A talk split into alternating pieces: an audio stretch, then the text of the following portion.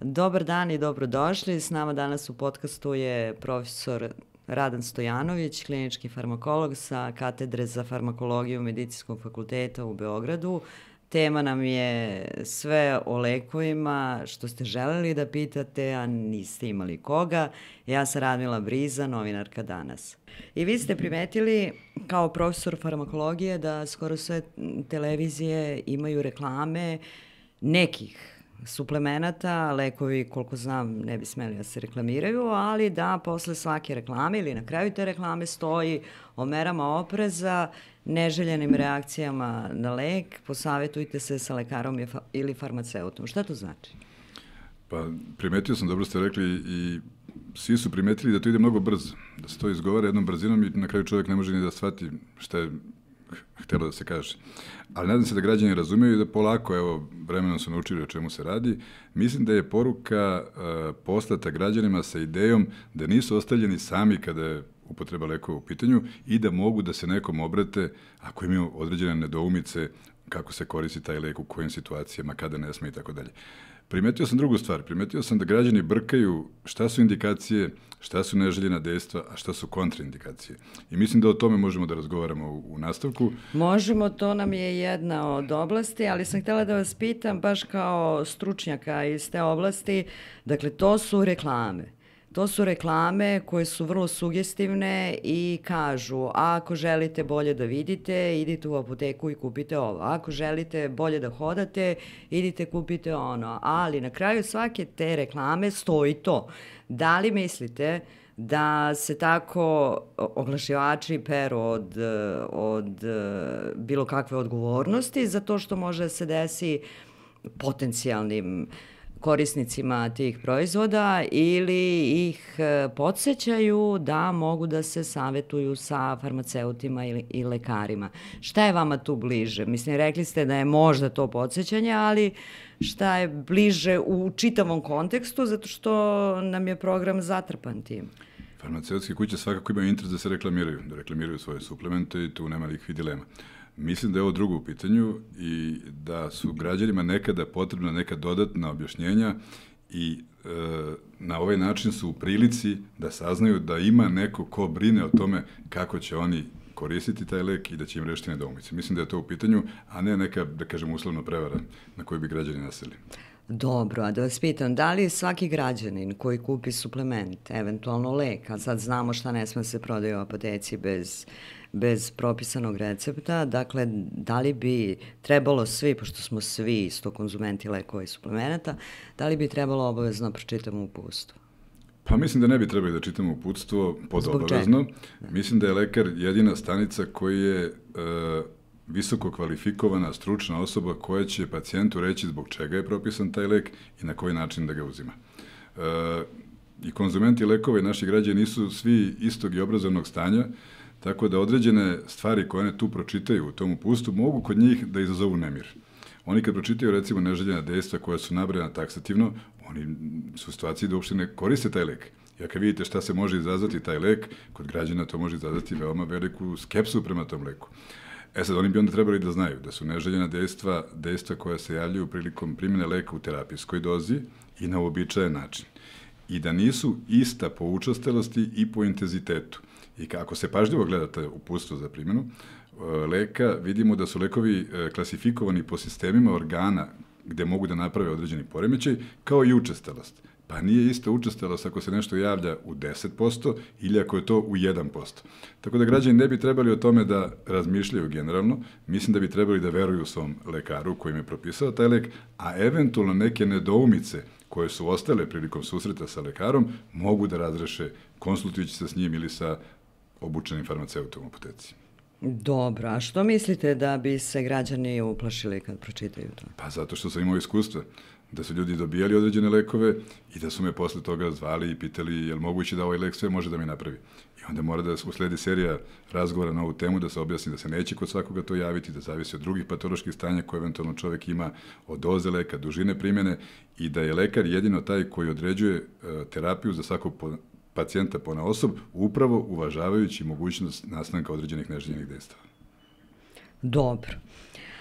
Kada postanemo pacijenti, bilo koja patologija da je u pitanju i idemo kod svog lekara. Šta je bitno da mu kažemo? Kada nam on propisuje terapiju, Mislim... Kada nam propisuje terapiju, radi se znači jedna anamneza. Znači, mi se žalimo na simptome, znake bolesti koje imamo, ali takođe je neophodno da se uradi ta farmakološka anamneza, da kažemo lekaru koje tačno lekove pijemo, koliko dugo, za koje bolesti i u kojoj dozi.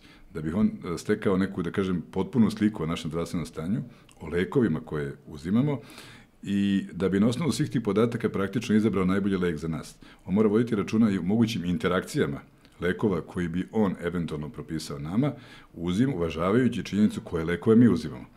Zato je neophodno da kažemo od kada, koji lek i u kojoj dozi uzimamo.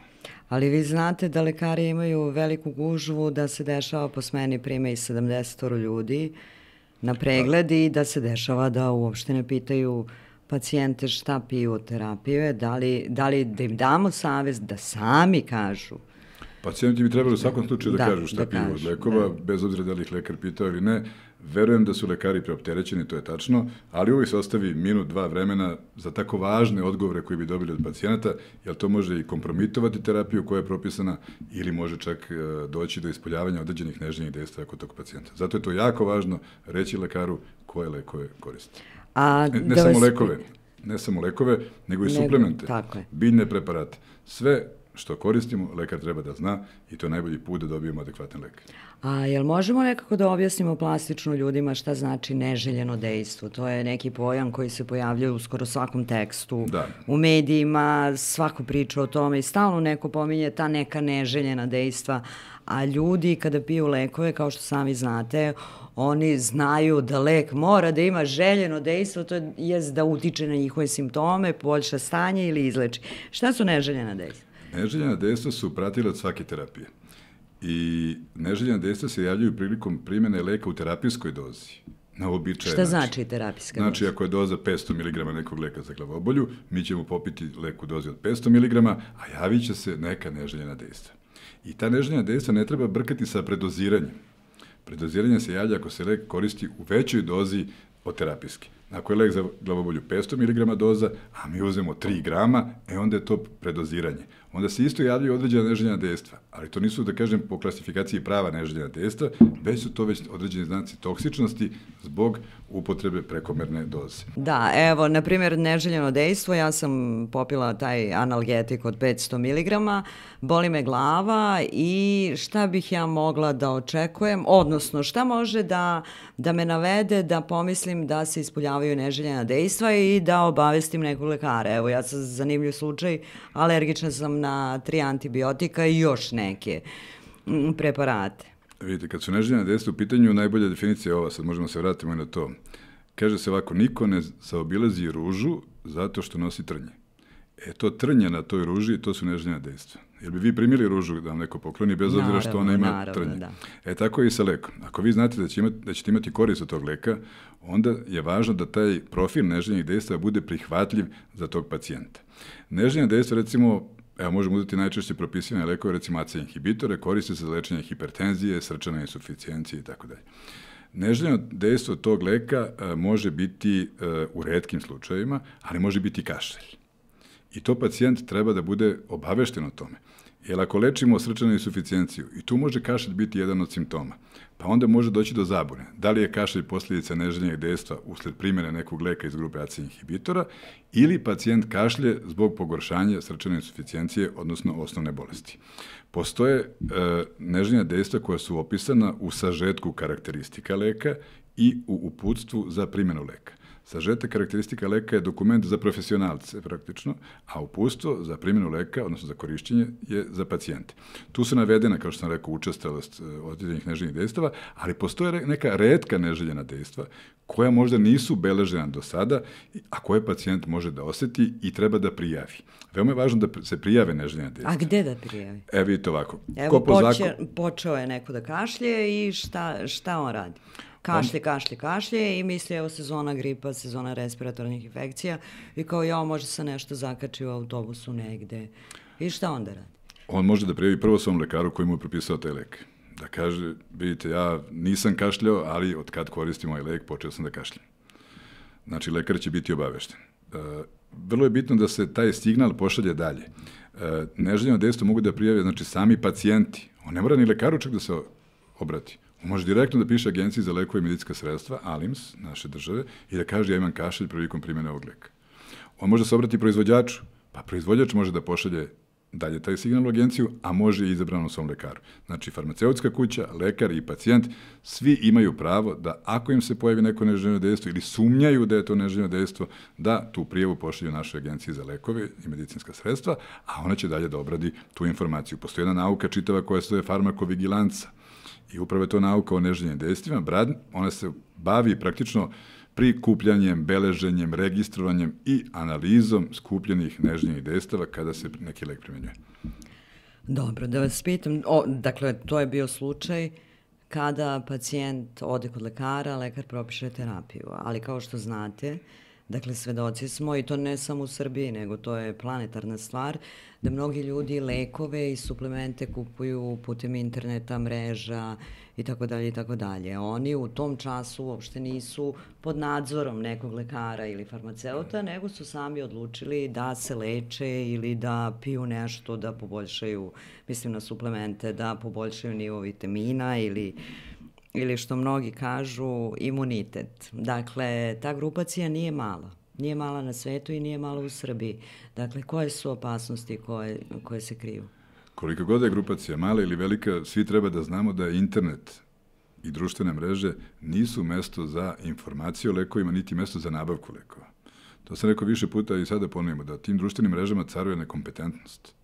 Da su tu ljudi koji nude savete iz domene farmakoterapije, iz domene poremećaja ishrane, iz domena mentalnog zdravlja, to je, vidim, u poslednje vreme aktuelno, da su to ljudi najčešće lišeni svakog medicinskog znanja. I onda građani, kako da vam kažem, do, dovode građane u zabludu. Građani su izgubili poverenje u lekare, to smo bili svedoci da se to desilo zadnje godina ovde u ozbiljnoj meri i kada je to poverenje izgubljeno, oni su se okrenuli onda alternativnim putevima informisanja oni su okrenuli društvenim mrežama, a to je poslednje gde bi trebalo da se traži neki savjet o lekovima i lečenju. Ja, to je realnost. Realnost Oni jeste, ali prvo mi, konsultuju mi... Google, doktor Google, to je, to je termin koji znamo već koliko? 15 godina.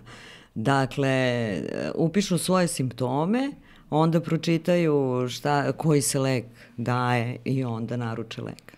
Koliko je to pa, opasno? Mislim da je to, kako da vam kažem, treba izbeći taj scenarij svakako. Mislim da je to potpuno besmisleno. Vi kad upišete simptome određene pa bolesti koje imate, vama to izlaze od najbenignijih do najstrašnijih dijagnoza. Yes. I onda ljudi ulaze u jedno panično stanje i potpuno nepotrebno.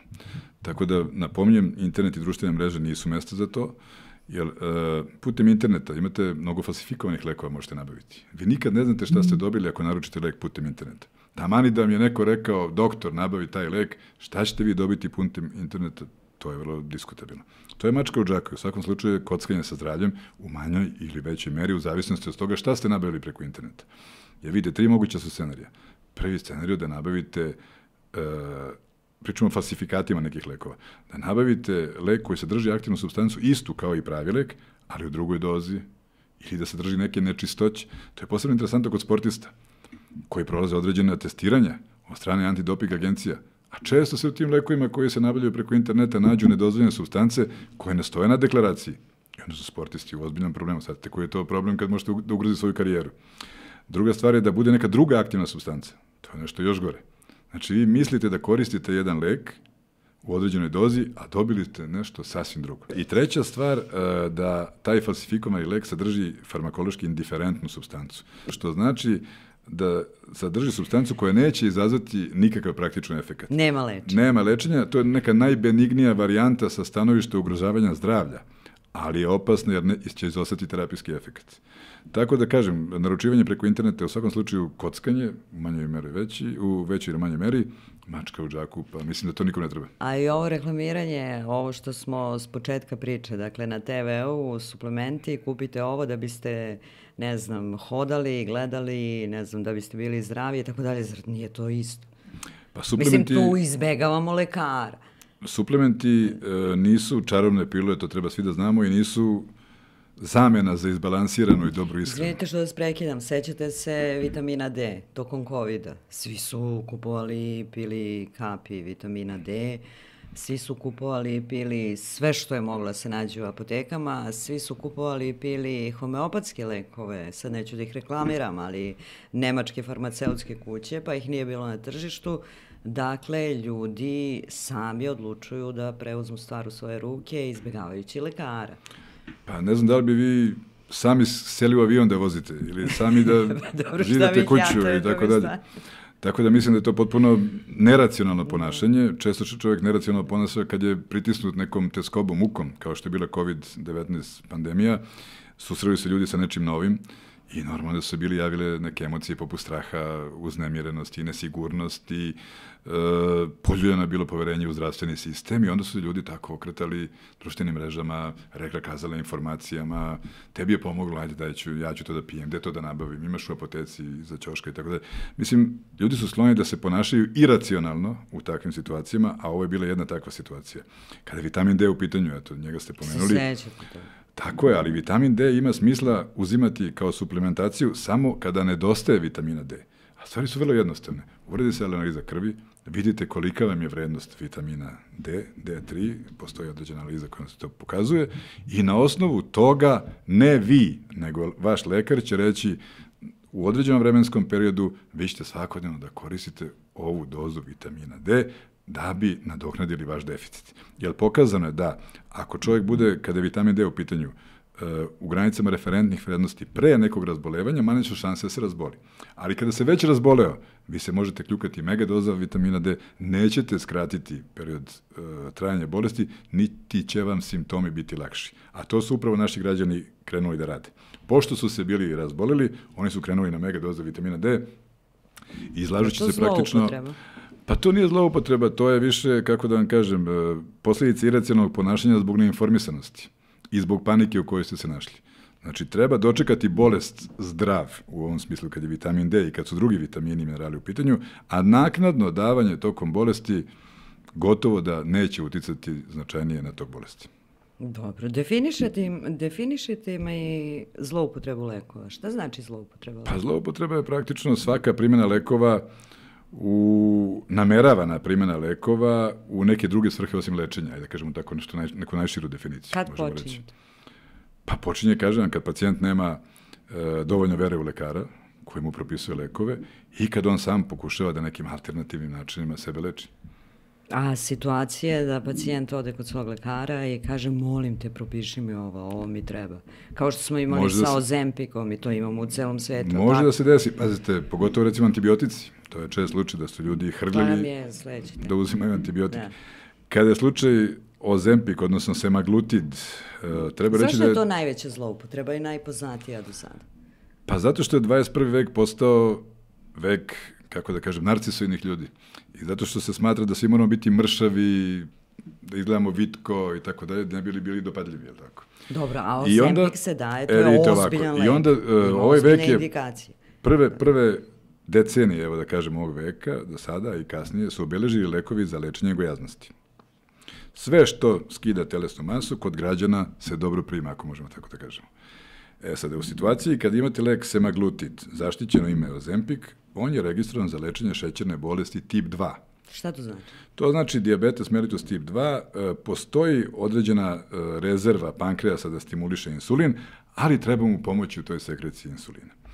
I semaglutid to je upravo radi, pospešuje sekreciju insulina i normalizuje glikemiju. To vidimo kad radimo neke određene glikemiju, testove. Glikemiju samo kažemo građanima da je to nivo šećera. Tako je, to je nivo šećera u krvi, ali građani su već dovoljno edukovani, tako da već znaju. E, proverom vrednosti recimo glikoliziranog hemoglobina, jednog parametra, znaju to građani, mi gledamo kakva je kontrola glikemije bila u prethodna tri meseca i vidimo, to se izražava u procentima, vidimo da li je dobro ili nije, u smislu može se korigovati terapija ako nije bilo dobro. E sada, određen broj pacijenata, diabetičara koji je koristio taj lek, izgubio je na telesnoj masi. I onda je krenulo ta, da se valja sa brda ta mala grudvica, na kraju se pretvorila u ozbiljnu neku lavinu, potpuno nepotrebno. E, korišćen znači lek za diabetes u, smi, u cilju uh, gubljenja telesne mase. Vidite ovako, potpuno nenormalno uh, i potpuno neracionalno i opasno u značajnoj meri za određene ljudi. Uh, zašto je neracionalno? Zato što je uh, gojaznost hronična bolest. I vi ne možete idejom da ćete dati semaglutid po zaštićenom imenom Ozempik par meseci pred leto da bi izgubili par kilograma, rešiti svoj problem gojaznosti. Čim prestanete sa uzimanjem leka, vrlo brzo kilogrami će se vratiti. To je jedna stvar. Druga stvar, imate neka redka neželjena dejstva. Pričali smo o neželjenim dejstvima. Kao, na primjer, akutno zapaljenje pankreasa. Tako je. Koje I može šta biti... to znači? To može dovesti osobu u hirušku salu da izvede tako pankreas, je li tako? To može dovesti osobu do mrtvačkog sanduka koja je previše teška reč. Dobro, nisam ali, otišla dotle, ali... Tako da vam kažem, treba, da treba tako reći, organ, treba da. tako reći, pazite. Akutni pankratitis je vrlo ozbiljno oboljenje. Jest. I nosi sa sobom određen procenat smrtnosti. Tako da s tim nema igranja. To se izuzetno redko dešava. Izuzetno redko. Ali rekao sam da profil neželjenih dejstava treba da bude prihvatljiv za pacijenta. Ako pacijent leči svoju osnovnu bolest, oni prihvata neka redka neželjena dejstva. Ali da izgubite 2 kg, a da završite sa akutnom pankreatitisom, mislim da je sumanut. I treća stvar, e, na taj način e, zloupotrebom leka u cilju gubitka telesne mase ostaju lišeni ovog leka ljudi kojima on stvarno treba. Pacijenti obole šećerne bolesti tip 2. Nema razloga da se on koristi. U našoj zemlji imamo registrovane druge lekove za lečenje gojaznosti.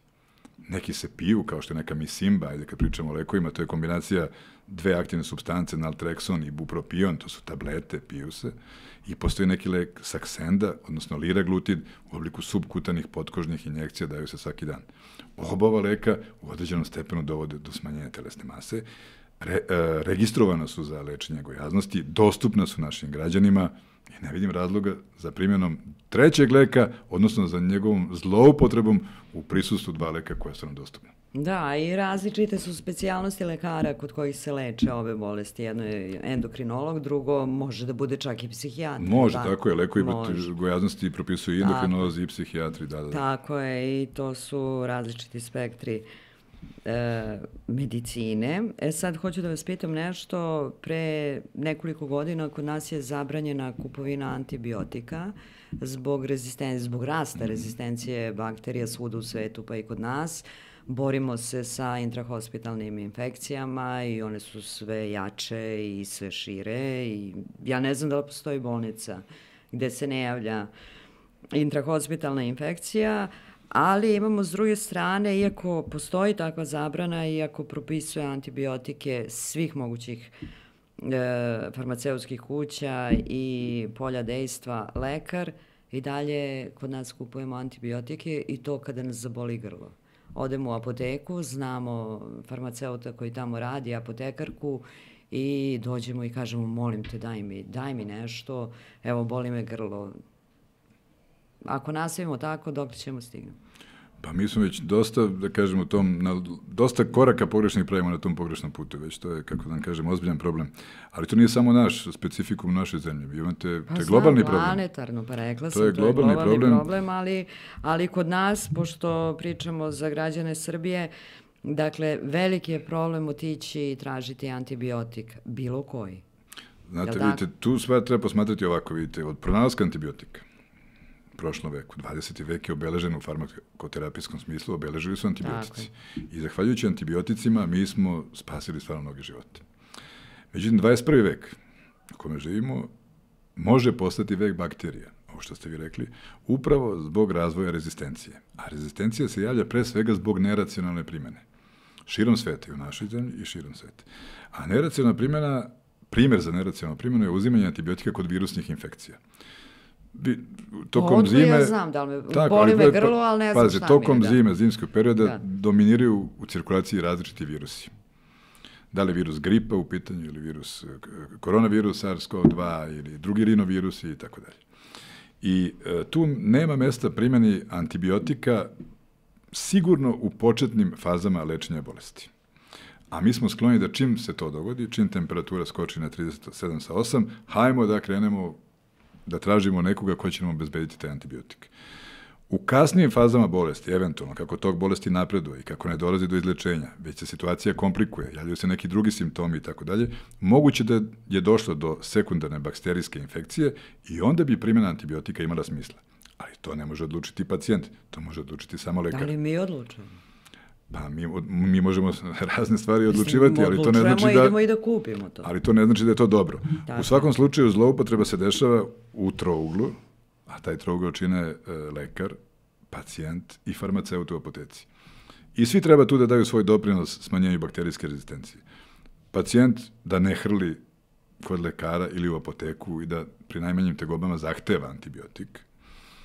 Lekar da kaže pacijentu, a prvo sebi da objasni neki lekari, ako većina se ponaša profesionalno onako kako treba, da antibiotici nisu sedativi za uznemirene roditelje kad dovedu dete i oni traže dajte mu, dajte mu antibiotik.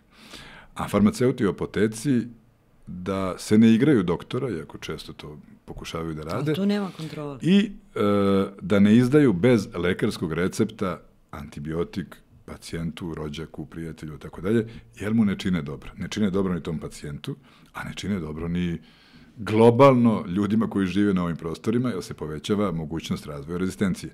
Vidite, kad gledamo globalno, nije svuda isti stepen rezistencije na iste bakterije. Na streptokok je recimo u Skandinaviji mnogo manje nego što je u nekim drugim zemljama. Pa se na osnovu toga prave određene mape rezistencije po regionima, po zemljama, po gradovima i po bolnicama u okviru istih gradova. Jer nije isto, vi ste pominjali bolničke infekcije. Bolničke infekcije su veoma veliki problem. Zašto? To su infekcije, šta znači bolnička infekcija? To znači, ako pacijent dođe bez infekcije u bolnicu i kasnije u toku dva, tri kasnije dana razvije infekciju. To su te bolničke infekcije. Gde leži njihova opasnost od njih? Leži u tome što su najčešće izazvane multirezistentnim bakterijama. To znači bakterijama koje su rezistentne na više antibiotika. I te bolničke infekcije su jako teško, teške za lečenje. Jer mi smo praktično imali smo koncept rezervnih antibiotika, Sada koji je podrazumovan i dalje postoji, koji podrazumeva primjenu antibiotika, određenih antibiotika, da pojednostavimo, oni se čuvaju pa, kao suvo zlato baš za određene situacije da bi spasli život. Ali oni su krenuli da se nekako neracionalno primenjuju u određenim situacijama, malim, ali polako se neracionalno primenjuju. I onda se suočavamo sa tim velikim problemom. S druge strane, vidite, mi nemamo e, suštinski... Izvinite, profesore, samo da vas pitam, dakle, intrahospitalne infekcije obično se javljaju gde? To su infekcije koje ne, se javljaju u, na kojim u bolnici. Pa, operativnim, najčešće, da, dakle, gde hiru, imate neke hiruške intervencije, tako, urološke, abdominalne, tako, ginekološke. Tako, gde su vrlo rizične, možemo da kažemo da su Možemo, rizične. možemo, kako tako. ne. To su same, po sebi neke od tih tako. operacija nose rizik od razvoja infekcije. Yes. Tu se onda primenjuje određena antibiotska profilaksa kod nekih, u toku intervencije, ali ajde sad da Ali onda i dobijemo intrahospitalnu. Intrahospitalna infekcija bi svakako trebala da se izbegne. Tako. Ali, eto, dešava se da se to nekada čak i ne može izbeći uprkos svim merama predostrožnosti koje se ovaj, sprovode. Sepse, ja, E, sada vidite šta je problem. Problem je što zadnjih, e, pa možemo reći već, evo, tri decenije sigurno, nemamo nove antibiotike. E pa htela sam da vas pitam, jeste videli globalnu vest da je jedna od farmaceutskih kuća izbacila novi antibiotik? Vidio sam I da. I to je bila globalna vest prošle nedelje. E, mnogo kandidata za pravog antibiotika ima. I kao i svaki lek, antibiotici prolaze određena predklinička pa klinička ispitivanja, različite faze kliničkih ispitivanja. Ključna ona treća faza koja prethodi registraciji leka, odnosno njegovom pojavljivanju na tržištu. Posle treće faze, ako su rezultati dobri, sa stanovište efikasnosti i bezbednosti, farmaceutska kuća podnosi regulatornim telima te rezultate, oni gledaju dokumentaciju i donose odluku da li lek može da se pojavi na tržištu ili ne može. E, upravo u toj fazi su neki antibiotici, ima ih dovoljno. Za sada su rezultati ohrabrujući i evo, lično nadam se da će za nekoliko godina po meni makar dva ili tri nova antibiotika biti na ponudi, to deluje ovako kao da je malo, ali nije, to, to bi bio veliki korak u borbi protiv bakterijske rezistencije i u borbi za spašavanje ljudskih života. U tu borbu smo upali... Je li posledica šta? Rezistencija, je li posledica rezistencije? Šta? Jel možemo da umremo od upale krenika? Pa vidite, pitanje je koje vrste infekcije prave određene bakterije mm -hmm. i otuda i koje će Mislim, posledice biti po zdravlje. Koje posledice? Pa sigurno su da su teške infekcije koje se javljaju posle operacije kod dođenih pacijenata. Da. Onda su kod pacijenata koji su imaju transplantirane organe, kod imunokompromitovanih pacijenata, kod pacijenata koji primaju e, imunosupresive lekove koji su primirili naš imunni sistem da bi tako upravo je. podržao taj transplantat i tako, tako dalje. To su posebno vulnerabilne grupe pacijenata i o njima treba posebno vojiti računa. Ali kažem, ovo je jedan globalni napor da se taj problem prevaziđe i mislim da, da će to ići eto dobrim smerom. E, dajte mi vaš utisak koliko popijemo mi godišnje antidepresiva, anksiolitika, tableta za smirenje, dakle, š, vaš utisak. Da ne znamo cifre, vaš utisak. Pa da ne znamo cifre, moj utisak je da se i tu ponašamo iracionalno. U kom smislu? Pa da često posegnemo za tim lekovima, antidepresivima, anksioliticima, sedativna, posegnemo tako što ih nabavimo preko raznih izvora. To hoću da vas pitam. A, da li situaciji, to spada u zloupotrebu? I dalje pričamo o zloupotrebi. I dalje pričamo o da. zloupotrebi, da, da, spada u zloupotrebu, to je jasno. Jer to su lekovi koji imaju svoje jasno indikacijono područje. I antidepresivi, i anksiolitici, i sedativi i tako dalje. I jedini, jedino pravo mesto je opet lekarska ordinacija. Znate, to ako ste vi u nekom stresu pa je vama pomogao neki lek, ali vam je propisao lekar, ne znači da će i meni pomoći. Pogotovo imajući u vidu neke druge lekove koje ja recimo možda pijem. Stupanju interakcije sa tim lekovima, plus e, recimo benzodiazepini su lekovi, oni su i anksiolitici, šta znači to? Znači smanjuju anksioznost. Oni su hipnotici, znači nastu, e, olakšavaju nastupanje sna. Oni su sedativi, smiruju pacijenta. Oni su miorelaksansi, relaksiraju skeletne mišiće. Sve posle oralne primjene imate sve te efekte benzodiazepina.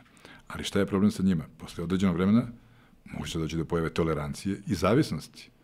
Tolerancija znači potrebna je veća doza da bi postigli isti efekat, pa pacijenti onda sami sebi dižu dozu i tako dalje, a time se povećava šansa za razvoj zavisnosti, i fizičke i psihičke. Psihičko možemo definisati kao recimo neodoljivu potrebu, želju da uzimanje te substance da bi doživjeli neka iskustva dobra u tom smislu, a fizička, znači kada nam se ta substanca jednostavno ubacuje naš metabolizam i ako je ne uzimamo, javljaju se znaci abstinencijalnog sindroma. Znači, to su suviše ozbiljne stvari da bi građani sami odlučivali hoće li uzimati, u kojoj dozi, koliko dugo i s kojim lekovima kombinati. Profesore, izvinite, ali zato vas i pitam, zato što mi živimo i u suviše ozbiljnim uslovima. Pričamo o uslovima društveno-političkim, dakle socijalnim uslovima, kada ljudi ne mogu da se snađu, imali smo COVID, imali smo zatvaranje, imali smo blisku smrt, gubitke i tako dalje. Sada smo imali ribnikar i verujem da imate u okruženju, kao što ja imam i u svom, ljude koji su otišli i kupili neki od tih lekova i rekli ja ne mogu više, ja ili ovo da pijem ili ne znam gde da idem. Pa pazite, nisu to čudotvorni lekovi. Ne znam, da li ste saglasni sa tim? Mislim, mi imamo pa, vrlo zanimljiv trenutak u kojem živimo svi. Saglasan sam da je trenutak zanimljiv, ali isto tako na ovim prostorima se živelo unazad 200 tako godina. Je, ali, tako. ali sada tako izgleda da, smo došli do neke granice. Pa da o tome možemo da raspravimo, ali ajde nije tema ne, ne, ovog našeg razgovora. Ne, nije tema, nego kažem a, iz sobstvenog iskustva, a pretpostavljam da i vi znate ljude Evo sad ću vam reći jednu stvar. Koji su to uradili. Ako neki čovek misli da je depresivan, Mislim, ne depresivan, prvo... nego da ne može da izdrži. Gotovo, ide u apoteku znači, da kupi šta znači kako se, da bensedin ili tako neki lek i kao da izdrži dan. Pa ne znam, verujte mi da je to malo ovako, da izdrži dan. Uh, ako ima osjećaj da ne može da izdrži dan, e, onda ne treba da ode u apoteku. Dobro. Onda treba da ode Koji kod lekara. Da. Onda ode kod lekara, prvo lekara svog izabranog, on će ga pogledati, porazgovarati, pokušati da ustanovi koji su razlozi zbog čega on ne može da izdrži taj dan. Ako treba on da reši taj slučaj može, on će to rešiti, da li davanjem leka, ili će savjetovati razgovor sa dalje još više kvalifikovanim stručnjakom, recimo psihijatrom, koji će takođe izvršiti pregled i doneti procenu da li kod tog pacijenta treba da se primeni neki lek ili ne, pa, koliko dugo put, i u da. kojoj fazi. To je put, jer vidite i ovako. Da. Vi možete, ja vam mogu reći, vi kažete ja se danas osjećam depresivno, mm -hmm. tako dalje, nije mi ni do čega. Ja vama, kad vam ne bi bio prijatelj, Ne mogu da mogu, ustanem iz kreveta. Mogu da vam kažem... ne mogu da razgovaram. Dva su scenarija. ja mogu kažem, ne morate ići kod lekara, šta ćete tamo? Ah, ko će tamo da ide da se bakće s tim lekarima? Evo vam, uzmite ovaj antidepresiv, bit će vam bolje. Čujemo se za neko vreme. Vi vidite da posle 5, 6, 7, 8 dana vama ništa, ništa nije bolje. Tako je. Ali vi ne znate da je za efekat antidepresiva potrebno da se piju kontinuirano 2 do 3 nedelje. I vi već posle 7 dana počinjete mene da mrzite malo, tako? Šta mi je da onaj, uopšte nije za mene. Bacite to.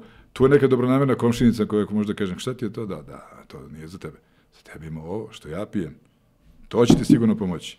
Vi razočarani u moje znanje, a ne znajući da za efekat leka morate čekati, idete kod komšinice koje, po vašem mišljenju, spasonosna adresa. Uzimate lek koji ona pije, pritome ne znajući ni kako deluje, ni tako dalje, da li stupa interakciju sa drugim lekovima. Znači, to je scenarij koji treba se izbegne. Onaj put lekarska ordinacija jedini i kada su antidepresivi, anksiolitici i ovi drugi lekovi u pitanju i svaki drugi lekovi. Dobro. Da li postoji bezbedan lek? Pa svi lekovi su u manjoj i e, većoj meri bezbedni u zavisnosti od toga šta lečite. Mislim na potpuno i, bezbedan lek. Da li postoji? Pa postoji folna kiselina, ona neće ništa uraditi u suštini. Ali Ne, da objasnimo ljudima zašto, zašto postoje farmako, upozorenja, zašto Suština farmakoterapije da. je da dovede do izlečenja. Dobro. Ako može do izlečenja, ako ne može do popravljanja simptoma i do popravljanja kvaliteta života. Dobro. Imajući u vidu da lekovi imaju neželjena dejstva, bitno je da profil bude prihvatljiv i da pacijent ka ovim ciljevima i lečenju popravljanju kvaliteta života i redukcije simptoma, da kažem da prihvati ta neželjena dejstva i da sebi olakša muku, da tako kažemo. To se očekuje od lekova. Dobro. I recite mi, e, velika dilema vlada kod običnog sveta, da li mogu da popiju lek ako mu je istekao rok. Dakle, tamo piše upotrebljivo do, pa sad neki datum. Vidite, teoretski, e, ono što piše, to je lek je najbolje da bude upotrebljen do tog datuma. Da. Suštinski, za većinu lekova ne bi trebalo da upotreba posle roka bliskom, bliskom tom što piše da, dodove, da izazove neželjene efekte. Ali ne treba se kockati, suštinski. Ako je prošao rok, taj lek treba odneti u apoteku i reći ovo isteko rok ovog leka i dalje rešiti. Tako je. A ovo drugo, kako da vam kažem, to lek može biti slabijeg dejstva, može se stvarati neke u leku samo da dođe do određenih procesa fizičko-hemijskih koji mogu opet uticati i na efikasnost, u nekom stepenu i na bezbednost. Nekada ne, ali kako da vam kažem, zbog uh, uh, svega toga jasno je pravilo, kad istekne lek, treba toga se pridržavamo, kad istekne rok upotrebe, da ga odnesemo u apoteku. Mislim da je to najispravnije i onda nema kockanja sa zdravljem. Dobro, i savjet građanima kada su u apoteci, da ne kupuju ništa što nije propisano. Pa apoteka je onako jedno mesto, kako da vam kažem, šareno, onako... Postale kao, kao radnje, yes. kao trgovine. Ali apoteke su neka šarena mesta sa nekim različito lepim bojama, dakle. pogotovo kad ih srede onako da. na izloge, ali to nisu bombone unutra, unutra su lekovi, tako da s tim se ne treba igrati. Jedini put, opet da ponavljam, lekarska ordinacija i odluka lekara da vam propiše odgovarajući lek. Dobro, hvala vam puno. Hvala vama.